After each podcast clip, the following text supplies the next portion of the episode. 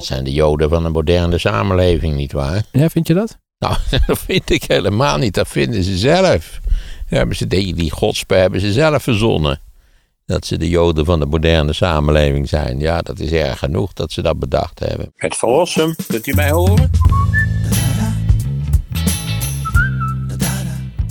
Minister Dennis Wiersma die is uh, opgestapt. Uh, vorige week was hij uh, ook bij dat symposium van 25 jaar praktijkonderwijs, waar wij ook waren om een live podcast te maken. hij zou daar twee mensen mondeling en ook fysiek hebben geïntimideerd. En wij werden ook de afgelopen dagen gebeld, onder andere door de NOS, van hey, wat hebben jullie daarvan gemerkt? Want jullie waren daar ook bij. Dan was het alleen zo dat wij daar in de middag waren en Wiersma was er in de ochtend. Dus we hebben, daar, we hebben hem niet gezien, niet ontmoet. We hebben het er wel uh, die middag uh, in de podcast, de live podcast, over gehad. En uh, toen zei jij onder andere dit, Maarten. De laatste persoon die ik zou vragen is Wiersma. Dus ik vond eigenlijk het feit dat hij zich niet beheerst... kan wel een goed idee om hem niet uit te nodigen. U, u gelooft toch ook niet dat, hij, dat dat beter wordt? Het is gewoon een karakterdefect. Dat ze net...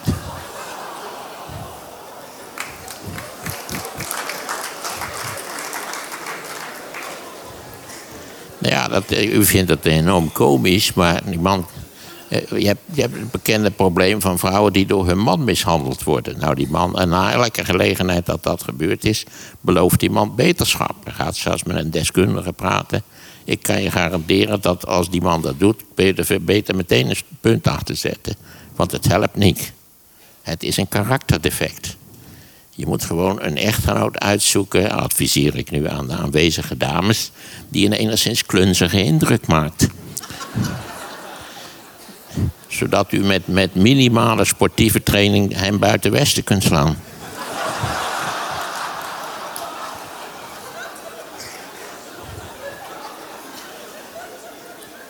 En sla meteen terug.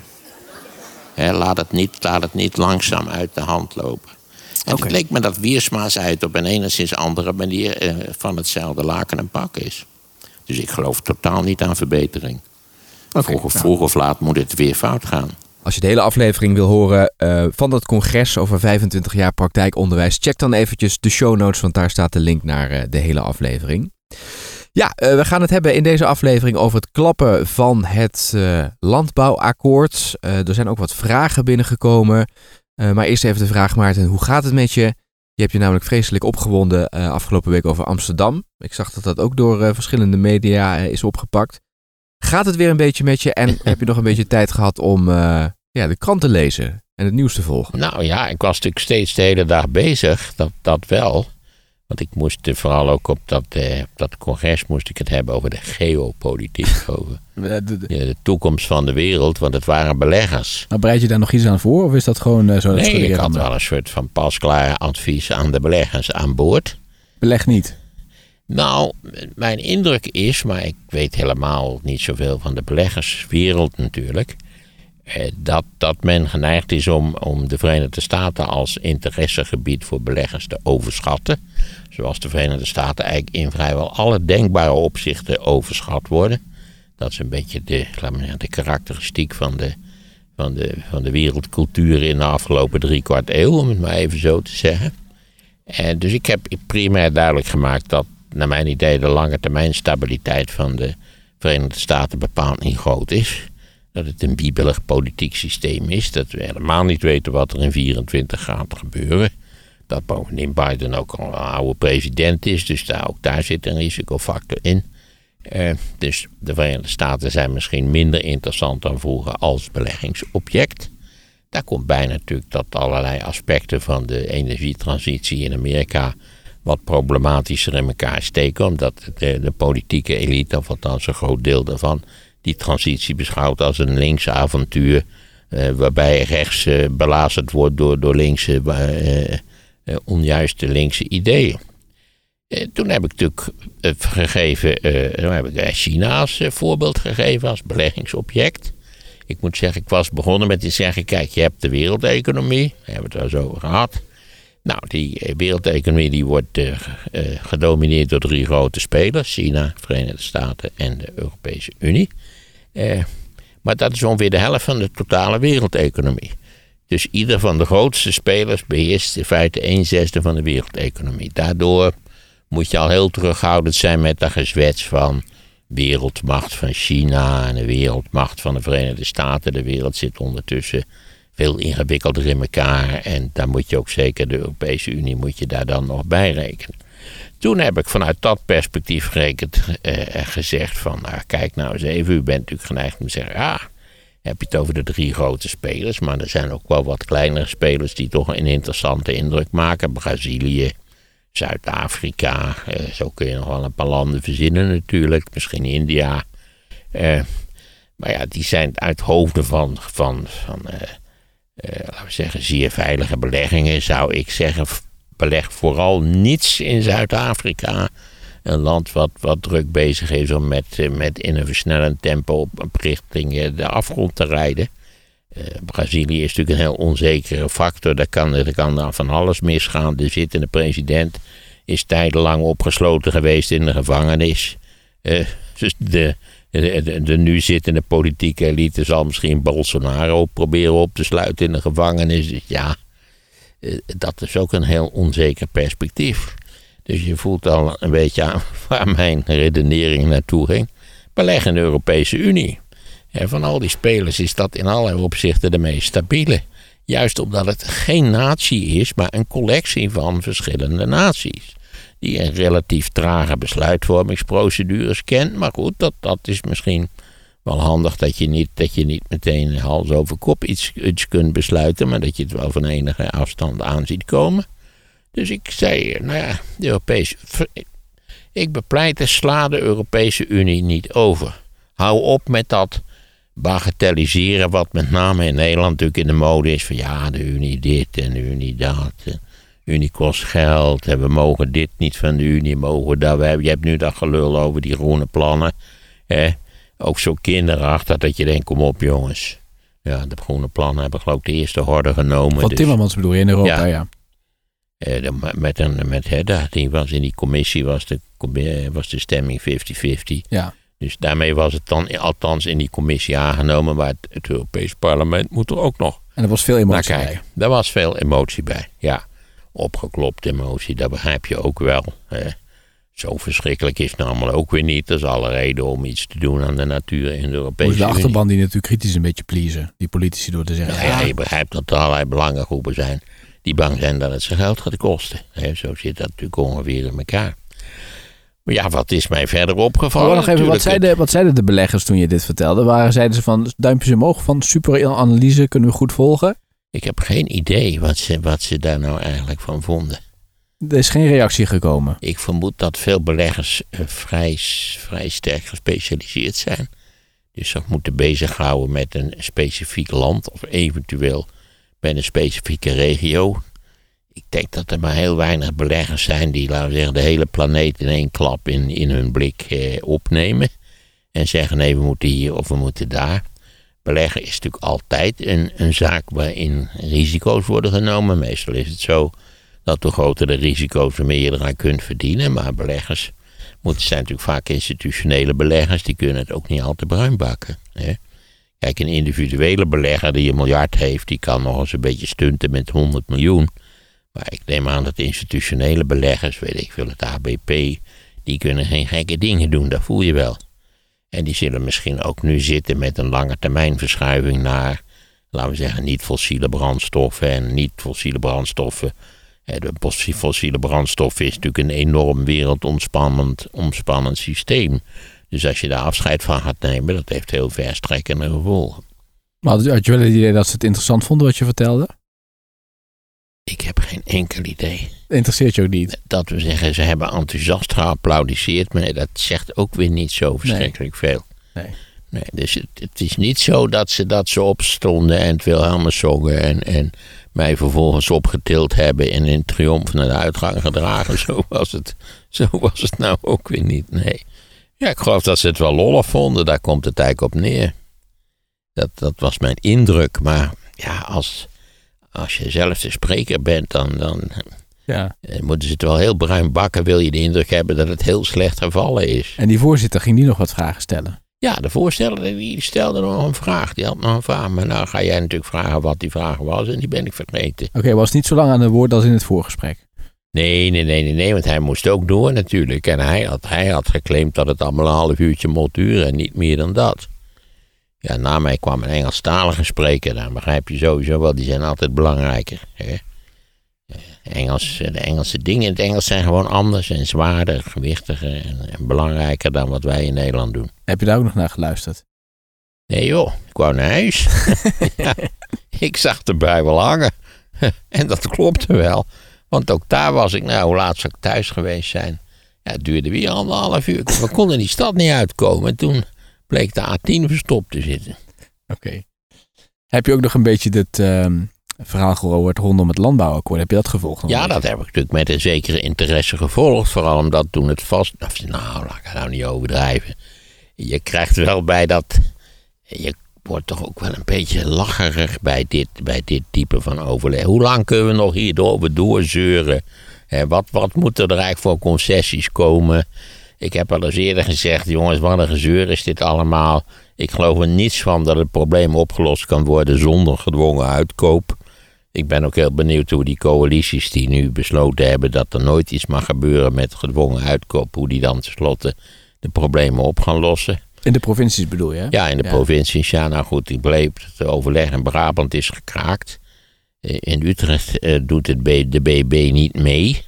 Ik begreep toch dat voor de ChristenUnie de samenwerking met de PVV in de, hoe heet het, in de polders eh, toch wel moeizaam ligt.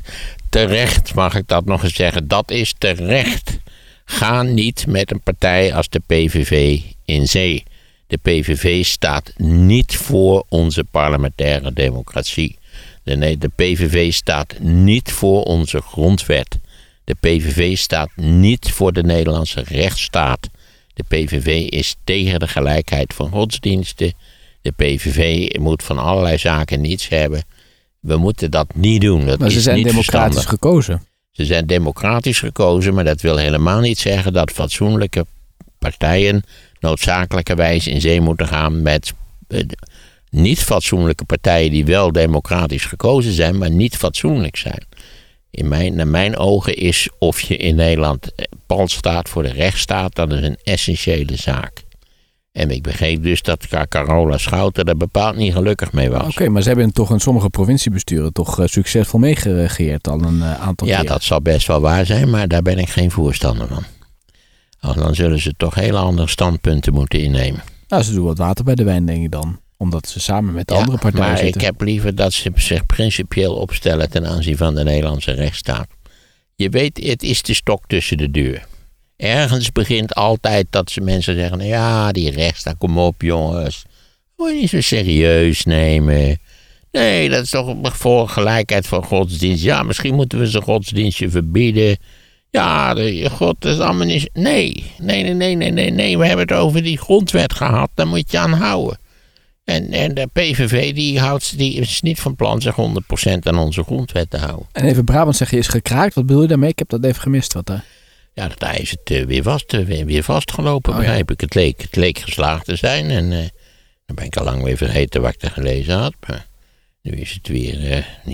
ja, ik geloof nog steeds niet dat je eruit komt zonder gedwongen uitkoop. Dus ja, ik ben heel benieuwd hoe het gaat. En LTO, snap je hun opstelling? Want ze zeggen de ene keer ja, dan komt een akkoord en dan toch weer niet. En toch nog eens door onderhandelen. En... Nou, ik begrijp vooral dat de regering niet. Dat die gewoon niet zeggen, jongens, ah, dit zijn onze standpunten, A, B, C, D, E. En daar kun je akkoord mee gaan en zo niet, dan kun je de pot op. We kunnen wel, we kunnen wel doorlullen tot, tot we ons wegen. Maar waar liggen de grenzen precies van het overleg met het LTO? 19, of 2043 of zo, het jaar dat ik 100 word. Ik, ik weet het niet. Goeiedag, krijg je er dus gewoon genoeg van. Want toen het vastgelopen was, werd het, halve kabinet opgetrommeld om mee te praten. En Rutte ook. Dat Ja. ook bij. En zes ministers. Ja, dat is toch belachelijk. Nogmaals, ik vind dat belachelijk. Maar toen hebben ze wel weer, hebben ze, heeft Sjaak weer gezegd van ja, Sjaak van de Tak, ja nee, inderdaad, we gaan toch weer even nadenken. We, gaan, eh, we laten het toch niet klappen. Nee, dus dan lullen we maar weer door. Kijk, het is duidelijk dat de beide partijen het over een essentieel punt niet eens kunnen worden. Dat is gedwongen uitkoop, lijkt mij. Eh, en daar zul je, op een goede dag zul je dan, eh, Nou ja, dan moet er iemand komen met een scherp zwaard die de Gordiaanse Ja. knoop de midden slaat. Maar ik begreep dus dat LTO een beetje in die tweespalt zit. Want ze kunnen natuurlijk akkoord gaan, maar dan hebben ze heibel in de Ja, eigen dat, tent. Dat is altijd natuurlijk bij, bij overleg aan de top is dat altijd een gigantisch probleem. ik vond dat stuk in de kwaliteitskrant, sorry dat ik die weer ter sprake moet brengen. Die hadden een hele reeks van die boeren opgebeld. Bent u wel bereid om zich uit te laten kopen? Dat waren allemaal boeren die, die dus aan maximum uitstoot doen in de buurt van Natura 2000 gebieden. En nou, er waren een paar bij die waren, wilden daar wel eens over praten. En een hele rest zeiden dat ze voelden ze helemaal niks voor. Wat ik van, uit hun standpunt ook wel weer begrijpelijk Ja. vind. Laten we wel wezen, het probleem is door onze eigen overheid. Zoals al die problemen waar we het steeds over hebben, is dat door onze eigen overheid gecreëerd. Door, door decennia lang natuurlijk eh, te sturen op, op schaalvergroting en rationalisering van de veeteelt. ja, maar het LTO Zodat wij nu de, niet waar, eh, de, de tweede landbouwproducent ter wereld zijn geworden. en heel veel voedsel gaat naar het buitenland. Dat heb je al eens gezegd. ja, Ja, precies. Maar LTO die, wil natuurlijk ook deze groepen vertegenwoordigen. Daar staan ze natuurlijk een Ja, beetje dat begrijp onbekend. ik wel. Maar er zijn, er zijn natuurlijk ook, heel vaak is het zo dat er grenzen zijn aan wat het overleg kan bereiken. En dan zul je, tenslotte zal iemand een beslissing moeten nemen. Ja. En daar hebben we een regering voor. En die regering is helemaal democratisch gekozen. Je kunt verder denken van de kwaliteit van die regering wat je wil. Maar het is onze regering. Maar de regering wil LTO graag aan boord houden. Omdat die natuurlijk die hele grote Ja, dat begrijp ik allemaal wel. Maar nogmaals, er moet ergens een punt gezet worden. Of, of wil je gewoon eeuwig doorlullen? Nee, helemaal niet. Maar ik snap wel die tweestrijd waarvan de tak in zat. Met aan de ene kant die achterban, die boos zou zijn als hij een akkoord had gesloten. Maar ook de overheid, die LTO nu ze eruit zijn gestapt, helemaal niet meer zo betrouwbaar acht. En dan komen allemaal die andere gekke boerenclubs eh, komen omhoog. Nou, die zijn natuurlijk al lang omhoog gekomen. Ja, maar die, de- die maar- zijn altijd veel radicaler nog. Klopt. Maar LTO is Dat zijn altijd... de joden van een moderne samenleving, nietwaar? Ja, vind je dat? Nou, dat vind ik helemaal niet. Dat vinden ze zelf. Ja, hebben ze die, die godspe hebben ze zelf verzonnen. Dat ze de joden van de moderne samenleving zijn. Ja, dat is erg genoeg dat ze dat bedacht hebben. Maar goed, zo is het. Maar Jacques van der Tak weet Er dat... zijn gewoon punten waarop je, waarop je in niet meer verder kunt komen met overleg. Want dan, heb, dan gaat het over, Nee, daar ben ik met je eens. over principiële kwesties. Maar ja, wat is de... Als, als ze er gewoon niet uitkomen, gaat de overheid het gewoon zelf bepalen. Dat denk ik wel. Ja, maar wat, dan krijg je weer een herhaling van vorig jaar met die tractoren op de snelweg. En die, Dat zou best kunnen, ja. Dan zal de overheid opnieuw scherp moeten optreden tegen tractoren. Ja, dat hebben ze toen ook niet gedaan. opnieuw, want dat hebben ze toen niet gedaan. dat kunnen ze niet. Nee, maar het bleek op Koningsdag, nee, hoe heet dat, Koningsdag, bleek het ineens heel goed wel te kunnen. Vond ik ook een beetje raar. hè. Want, wat gebeurde er dan toen? Nou, die dingen, die, die tractoren zijn gewoon met geweld verwijderd Oh, op. Koningsdag. Hmm. En daar stond nog in de krant dat het opmerkelijk was dat het toen ineens wel kon. ja. Je hebt natuurlijk wel een beetje zwaar materieel nodig om het, om het eh, te realiseren. ja. Maar wat ik zo'n beetje uit eh, de kranten lees van dat overleg... is dat allemaal die andere clubs die erbij zitten... dus de supermarkten, de, de overheden, de, dus de, de waterschappen... Nou, die zeggen allemaal van ja, die LTO... die kunnen we niet volgen. De ene keer dan zijn ze weer voor, dan zijn ze weer tegen... dan weten ze het weer niet, dan willen ze weer eens Er uitstellen. zal ook wel verwarring in eigen kring zijn in dat LTO. Dat, is natuurlijk, dat, dat loopt niet allemaal op dezelfde de teller of noemen of weet dat ook alweer.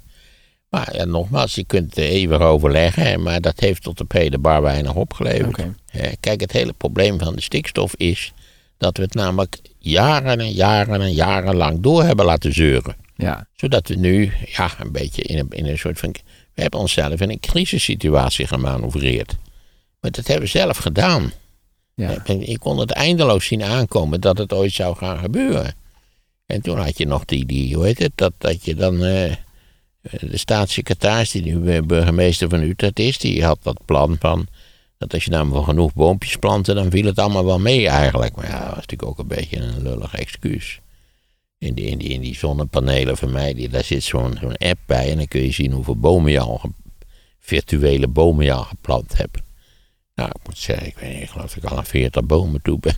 Zoiets dergelijks. Oké, dan gaan we wat vragen doen eh, van de luisteraars. Ehm dankjewel voor het insturen daarvan. Je kunt het het beste doen via de e-mail, maar het mag ook via de Telegram groep bij deze podcast. Linkje naar die groep staat in de show notes.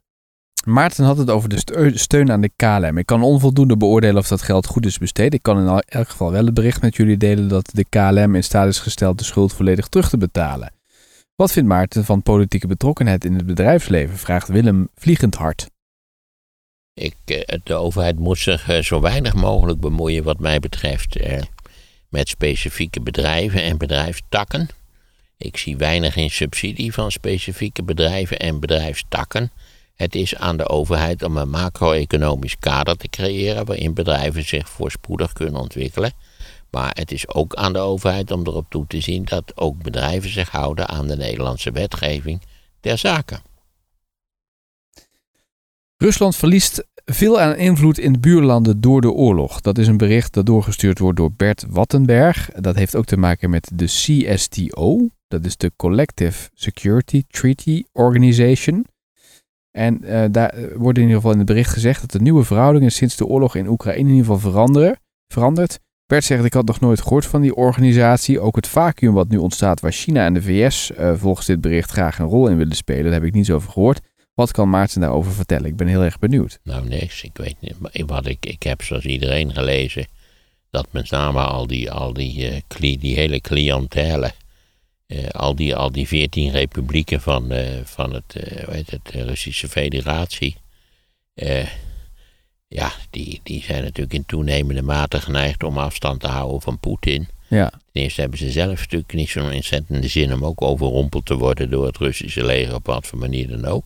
Maar je kunt denken aan al die, al die stands, hè, Kazachstan, Kyrgyzstan, uh, je hebt er nog twee van die stands. Ja, dat die natuurlijk geneigd zijn op zichzelf in toenemende mate te zelfstandigen, vergezelfstandigen, dat begrijp ik wel. Ja, dat natuurlijk Wit-Rusland in feite al lang in handen van Poetin is gevallen, is vers 2. Ik heb niet meer goed hoe het met Lukashenko is. Hè? Het laatste bericht was dat hij in het ziekenhuis Maar hij is nog niet dood in ieder Hij is geval. nog niet dood. En ook niet van de balkon gevallen. Nee, dat zou een defenestratie, ja, dat is ook nog wat. Hallo Maarten, hoe komt het dat Den Haag zich niet heeft ontwikkeld tot een studentenstad, zoals bijvoorbeeld Amsterdam, Utrecht en Leiden dat wel hebben gedaan? Nou, dat ligt nogal voor de hand. En nou, dat Den Haag heeft geen universiteit. Hoewel Den Haag meerdere, volgens mij, eh, ruim eh, Hogescholen wel. bemeten HBO-opleidingen heeft en ook dependances. Eh, Volgens mij heeft de Leidse Universiteit een omvangrijke dependance in Den Haag. Ik heb daar nog eens een broodje gegeten, volgens mij. Dus het valt wel mee. Nou ja, en je hebt in, eh, als je het station uitwandelt in Den Haag, dan heb je links TNO en rechts kijk je volgens mij tegen de gevel aan van de Leiden University. Nou, precies. Dus dat is die dependance Ja. van de Leidse Universiteit. Dus het valt wel mee. Feit is natuurlijk wel dat een universiteit, dat is tegenwoordig een, een zegenrijke eh, aanwezigheid in je gemeente. Of dat nu Maastricht is, of Utrecht, of Leiden. Kijk, eh, Utrecht is dan weer een vrij grote stad natuurlijk, maar zeker Leiden is natuurlijk een armetierige boel. Zonder universiteit zou Leiden wel een hele armetierige boel zijn. Ja, maar waarom, het, waarom Den Haag zich dan niet zo heeft ontwikkeld tot studentenstad, Dat heb- valt dus wel mee eigenlijk. is dat zo? Nou ja, het heeft geen universiteit, maar wel een om, kennelijk een omvangrijke dependance van de Leidse Universiteit. Ja. Maar hoe zit het met de En studenten? bovendien, ja, Den Haag en Leiden, ik bedoel, als je ver kunt spugen, dan kun je van de ene stad naar de andere spugen. Ik was hier Dat gisteren... geldt toch voor, voor het heel West-Nederland Ja, eigenlijk. dat is zo, dat is waar.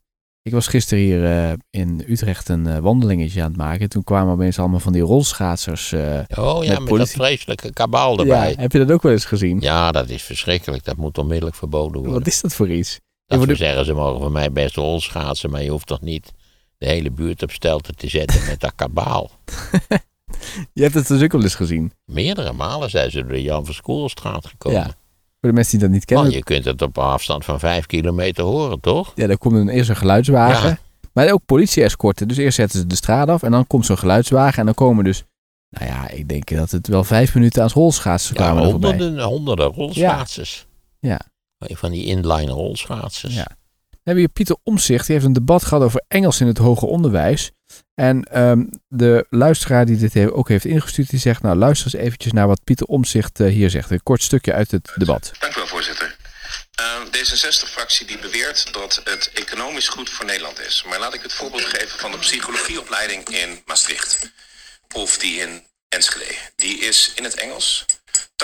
80% van de studenten uh, komt uit Duitsland. En 90% van de, Duitse, van de studenten gaat terug. En onder het nieuwe beurzenstelsel hebben deze studenten, als ze één dag per week werken, mevrouw Van der Woude maakte er al een opmerking over, krijgen ze ook nog 439 euro beurs.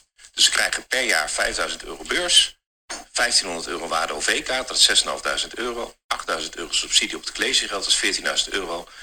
Ze volgen het hier en ze gaan allemaal weer terug. Waar zit het voordeel voor Nederland als samenleving of Nederland als economie? Ja, daar heeft hij natuurlijk groot gelijk in. Kijk, die, die attractie van Nederland voor buitenlandse studenten is totaal uit de hand gelopen. Maar bij mijn weten heeft de minister van Onderwijs, eh, namelijk Dijkgraaf, gezegd dat die zaak aangepakt zou worden. Eh, met name in Amsterdam, geloof ik, is de helft van de studenten afkomstig uit het buitenland. Eh, je weet wat ik denk over Engels spreken aan onze universiteiten. Dat moet naar mijn idee niet gebeuren, behalve in uiterste noodzaak. Of als, je, als het toevalligerwijs zo is dat je in een doctoraal werkgroep of in een postdoctoraal eh, situatie uh, meer, meer, merendeels Engels sprekende hebt, dan vind ik ook wel dat je Engels moet spreken. Zo goed als ik vind dat piloten internationaal moeilijk in, in het Nederlands, in het Vlaams of in het Albanees moeten kunnen spreken, dan moet je Engels spreken. Dat spreekt voor zich. Maar dat is in Nederland volledig uit de hand gelopen.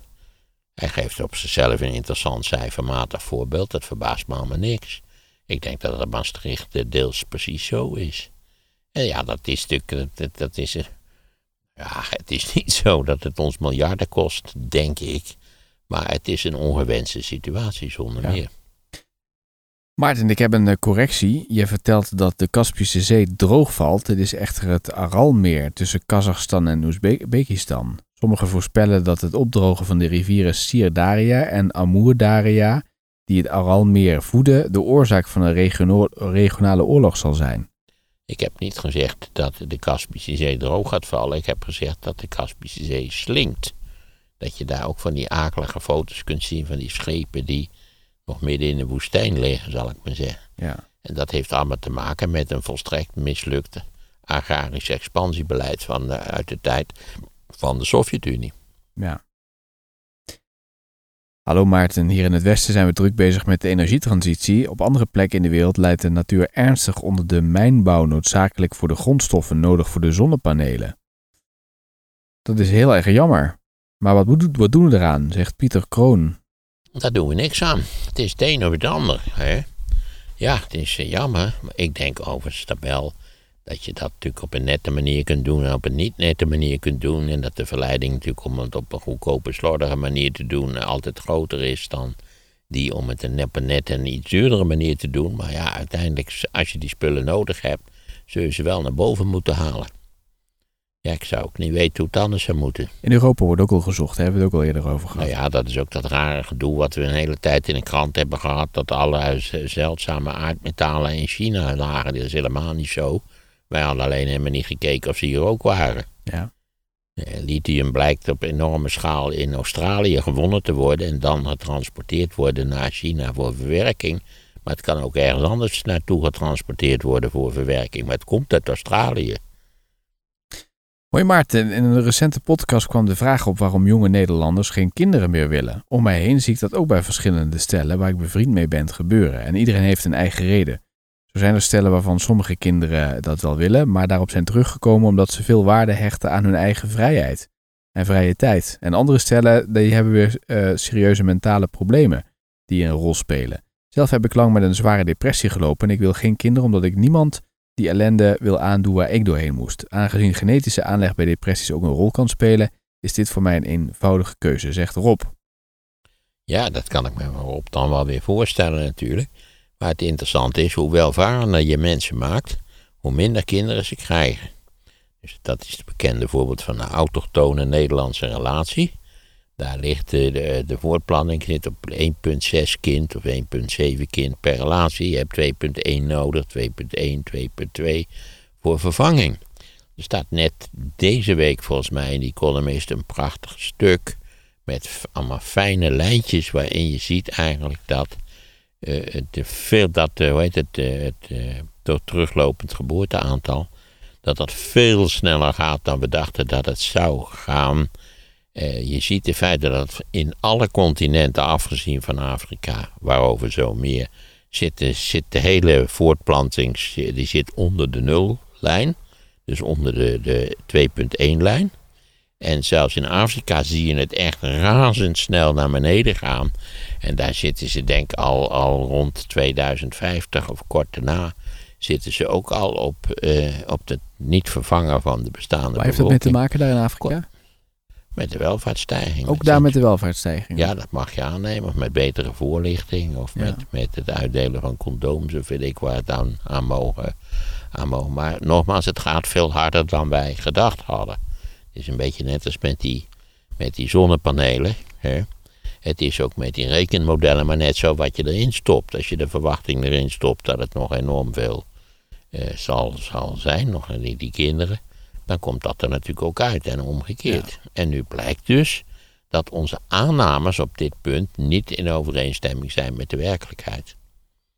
Overigens eh, ben ik er al lang niet meer wanneer dit eh, wel of niet uitkomt, dus ja, ik mag, ja, ik, Mensen zeggen altijd dat het onverantwoord is om ervan uit te gaan dat je op een goed moment er niet meer bent. Waardoor je iets minder eh, geëngageerd bent op dat punt. Hallo Maarten, wat in godsnaam is het motivatie van Trump om nucleaire geheimen mee naar huis te nemen? Wil hij ze Ja. aan de Russen laten zien? Ja, dat is een heel interessant vraagstuk waarom hij dat wilde. hè. En, en je hebt die Fintan O'Toole die in de New York Review of Books gewoon zegt... Hij heeft die dingen meegenomen om zich in te dekken voor de toekomst. En Misschien wilde ze verkopen. Misschien wil hij de Amerikaanse overheid ermee chanteren. Hij wil er iets mee. Hij denkt dat hij het gebruiken kan in eigen voordeel. Wat precies dat maakt, vindt dan O'Toole ook niet duidelijk. Maar het is een betrekkelijk kort stuk. Lees het, vindt dan O'Toole in de New York Review of Books. Nee. Hebben we voor de volgende keer nog een keer een schilderij? Dat moeten we nog doen. Kunnen kijken, schilderij kan altijd. Eh, maar je kan ook een of andere leuk historisch onderwerp Ja, natuurlijk. doe nog eens wat leuks. Wat we nog nooit gedaan hebben. Wat we nog nooit gedaan de Spaanse hebben. oorlog. Spaanse burgeroorlog. Ja, vind ik zelf geen interessant probleem. ja, je moet, je moet er zelf natuurlijk ook iets van, van vinden, toch? Oké, de Turkse opstand. Hebben we, hebben we het Manhattan-project wel eens gedaan? Mm, En de volkomen verkeerde premisse waarop dat gebaseerd was. Ik zit even na te denken of je daar, daar heb je vast wel eens over gezegd, maar niet echt heel uitgebreid. Omdat natuurlijk, het is ondernomen omdat ze dachten dat de Duitsers in staat waren om op, op afzienbare termijn zo'n bom te bouwen. Ja, dat heb je wel gedaan. Nu je het Oh. zo vertelt, hebben we wel gedaan. Oh, jammer. Want, en dat bleek absoluut niet het geval te zijn. En dan was- die, die muggen, die, die muggen die komen hier naar binnen en die vallen mij gewoon. Het komt hoe jij, ik denk dat dat, er komen op geuren af. Ja, precies. Ik ruik natuurlijk hartstikke lekker. Ja, wat heb ik ook weer gegeten? Oh ja, hoe heet het? Zomerzuurkool. kijk. Zijn mijn, zijn mijn. Ja, dat daar komen ze op af. Zomerzuurkool. Vinden ze heel lekker. Daar zijn gek op zijn ze op zomerzuurkool. Ja. En natuurlijk kersen en aardbeien die nu in grote aantallen heerlijk worden aangeboden. Het is wel een hele fijne tijd wat dat betreft. Ik zal een onderwerp proberen te verzinnen. Maar als er bij jou iets dat je denkt, hé, hey, dat zou ik wel eens willen weten. Hoe zit dat nou eigenlijk precies? Hè? Dan eh, ben ik altijd bereid daar eh, iets aan te doen. Mis ik natuurlijk, dat geldt voor een heleboel onderwerpen. hartstikke leuk, hartstikke interessant. Maar als ik er drie weken serieuze studie in moet steken, dan heb ik daar geen tijd voor. Ik moet die jeugdherinneringen moet ik, eh, op de op Het ontstaan van. Nederland is ook nog eh, genoemd. Het ontstaan van Nederland, dat, dat is even wat. Eh, want ja, dat is natuurlijk vanaf het eh bak, pak een beter beeldenstorm. Die ook in Vlaanderen begint natuurlijk. Maar ja, Vlaanderen was ook Nederland. Hè? Nederland, Les Pays-Bas, dat is Vlaanderen en Nederland natuurlijk. En door omstandigheden zijn we verdeeld geraakt. En nu zijn het dan dus twee Nederlanden geworden. Zijn we ook nog zo kinderachtig geweest om het gewest Holland door midden te delen in Noord- en Zuid-Holland. Nou goed. Ehm, nee, het ontstaan van Nederland is een heel complex proces. Maar het zit wel in je Wat geheugen. eigenlijk toch. nou Ja, dat heeft al wel 150 jaar in beslag genomen, al met al. En eigenlijk moet je daar een deskundige voor raadplegen. Ja, dat ben jij toch, als historicus? Nee, nee de, de, de grootste fout die je maken kunt, is dat, dat ik eh, overal verstand van heb. Oh. Dat wordt ook wel een beetje bevorderd door de op zichzelf ironische en vermakelijke intro's van, van het, de slimste mens. Hè. Wij kunnen niet beginnen zonder dat de, eh, de, eh, ons enig jurylid is geïntroduceerd. De farao van de feitenkennis, de, de, de, de hoofdingenieur van de feitenfabriek. De, nou, zo, daar scallen ze dan maar door. Ja, mensen, dat is geestig bedoeld. Dat is niemand die dat ook serieus neemt. Dat kan ik u verzekeren. Nou, bij, het valt me wel altijd op als mensen jou aanspreken en ze stellen jou vragen. denk je, oh, maar ze weet alles. Het is lopende Wikipedia. Ik weet meer dan de meeste mensen, maar dat weet, betekent bepaalt niet dat ik alles weet. Nee, er zijn massas nee. dingen die ik gewoon niet weet. Nee. Sterker nog, ik kom, eh, doordat ik toevallig wat zit te rommelen, ontdek ik iets over mijn vader en zijn geschiedenis voordat ik eh, daarvan zelf getuige was. Eh, Wat ik helemaal niet wist. Het is eh, hoogst curieus. Het racisme in de Verenigde Staten, dat kunnen we ook nog een keer doen. Man, dat is een gruwelijk onderwerp. Dat is natuurlijk puur en alleen geba- gebaseerd op de slavernij. Laten we wel wezen, het land was voor een belangrijk gedeelte gebouwd op slavernij. Daarvan moest ik nu weer zeggen dat onderzoek, wat nu in Nederland gehouden is, en wat samen werd gevat in de term sinds de 16e eeuw, heeft de hele Nederlandse politieke elite niet waar gekoerst op, de, op het zwaartepunt van de slavernij. Kom op. Dat is gewoon lulkoek eerste klas. Dat is keurig uitgezocht. Ja, de slavernij heeft een rol gespeeld in de 18e eeuw. Ik, ik vind het wel. Ik, daar kan ik dan wel zo wanhopig over gestemd raken. Dat zo'n onderwerp dan in de werveling van politiek correcte kletspraat raakt. En nou ja, dat we dan dit soort van verklaringen krijgen. En de bombardement op Rotterdam. Ja, dat eh, ja, we hadden ons iets eerder moeten overgeven. Hoewel, was het niet zo dat het, als het iets sneller was doorgegeven dat we van plan waren om ons over te geven, dat het dan net niet. Nou ja, dat weet ik niet. Loop hier direct tegen onkunde aan. Weet ik niet precies. En de Balkanoorlogen worden ook nog gevraagd door De luisteraars. Balkanoorlogen, nou, dat is echt. dat is net of je een gedetailleerde studie van een mierennest eh, van, van, van me vraagt, bij wijze van spreken. De Balkanoorlogen, ja. ja. Je weet dat de Balkan tot op de dag van vandaag een, een, een zootje zijn, natuurlijk. Eh, het, die spanningen lopen daar toch weer op. Er zijn alsmaar botsingen en narigheid en zo. Joh, die Balkanlui die, die hebben van die, die hebben één grote liefhebberij. En dat is elkaar zo vaak mogelijk en onder zo vreemd mogelijke omstandigheden de strot af te snijden. Ik had het niet moeten zeggen natuurlijk. Hè. Dit is ook waarschijnlijk alweer discriminerend. En de rol van de Scandinavische landen in de Tweede Wereldoorlog wordt En ook dat nog... is wel lollig. Omdat ze natuurlijk een volstrekt ondergeschikte rol hebben gespeeld. Zweden was neutraal. En waarom was Zweden neutraal? Omdat Zweden natuurlijk de grote leverantie van ijzererts was. Leverancier van ijzererts was. Dus ja, en zolang ze dat maar bleven doen, was er voor de Duitsers ook geen gelegenheid of geen reden om, om Zweden te bezetten. En ja, Noorwegen is vrij snel bezet natuurlijk, hoewel dat vanwege Engelse aanwezigheid nog een heel probleem was aanvankelijk. En Denemarken, heel verstandig overigens, zei van ja, eh, wij gaan ons niet verzetten tegen de Duitse bezetting. Dus wij halen de slagboom gewoon omhoog. Ja, we weten zeker dat we gaan verliezen, dus waarom zouden we dan gaan vechten? Terwijl Nederland hebben gezegd, wij gaan vechten, omdat je dan natuurlijk, dat je je dan moreel beter voelt. Hè? Dat je je verzet hebt, dat je niet hebt gezegd van ja, god, als jullie dat willen, dan moet het maar zo. En er zijn ook nog wel mensen die noemen dan personen. Er is iemand die wil dat jij iets vertelt over Willem Oltmans. Willem Oltmans, ja, dat kan ik me wel voorstellen. Ik kon al opschieten met Willem Oltmans. Vertel even voor de mensen die hem niet kennen wie dat, wie dat is en wat hij heeft gedaan. Ja, Willem Oltmans was een, was een, een, een enigszins wonderlijke journalist. Die met een hoog kraaiend stemgeluid en een ongelooflijke ijdeltuit eerste klas werkelijk. En een extreem theatrale persoonlijkheid. Die eh, in feite eh, eh, zich vanaf een heel vroeg stadium eh, heeft verzet tegen, tegen de Nederlandse neiging om onze koloniën eh, eerst een tijdje te verdedigen. En die vervolgens, en daarna was uh, Sukarno een vuile fascist en ik weet dan niet wat. En nou ja, daar ging Oltmans daarheen en die sloot een goede vriendschap met, met Sukarno. En ik dacht dat hij dat in Suriname ook had. Het. En, en, en hij beweerde, Oltmans beweerde dat de Nederlandse staat in casu het ministerie van Buitenlandse Zaken hem tientallen jaren had gehinderd in zijn taakuitoefening als kritisch journalist. En hij is op dat punt in het gelijk gesteld, want hij, de Nederlandse overheid heeft hem miljoenen moeten uitkeren. Waarvan hij een fraai appartement heeft gekocht, volgens mij, met een vleugel voor zijn vriend. En Ik heb een hele tijd met hem in een televisieprogramma opgetreden. Maar god, hoe heette dat in godsnaam, weet ik, ben ik ook niet vergeten. En net had ik gedacht van, ik, ik wil toch ook ter vermaak van mijn echtgenote Willem Oltmans wel eens voor, het, eh, voor een diner vragen of hij ging dood. Herinner ik mij, meen ik mij te herinneren.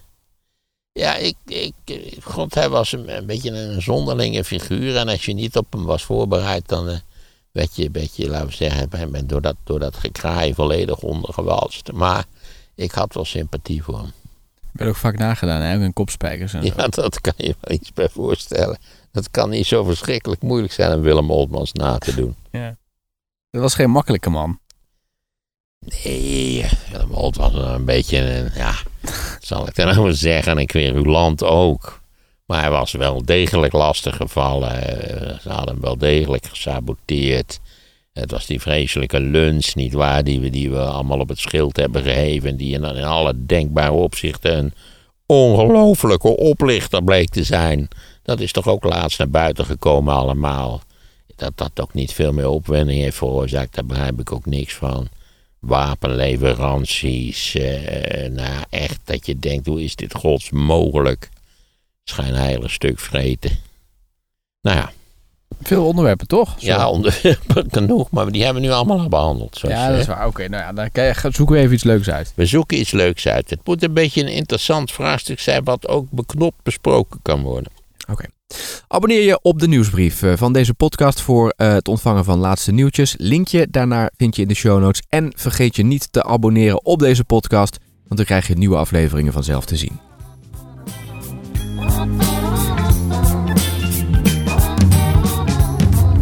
Ja, precies. Ik ruik natuurlijk hartstikke lekker. Een gloednieuw luisterboek staat voor je klaar. Maarten van Rossum vertelt drie kwartier lang over de nieuwe wereldorde die ontstaat door de oorlog in Oekraïne. Ja, dat zou natuurlijk enorm lollig zijn als we dan een tijdelijke, verstandige dictator zouden kunnen benoemen. Ik denk in dit verband natuurlijk altijd aan mezelf. De nieuwe wereldorde door Maarten van Rossum. Het luisterboek download je nu via de link in de show notes. En wil je nog een podcast luisteren? Luister dan nu naar de aflevering over de superbatterij, die je met één keer laden van Amsterdam naar Zuid-Duitsland brengt. Je luistert de aflevering nu via de link in de show notes.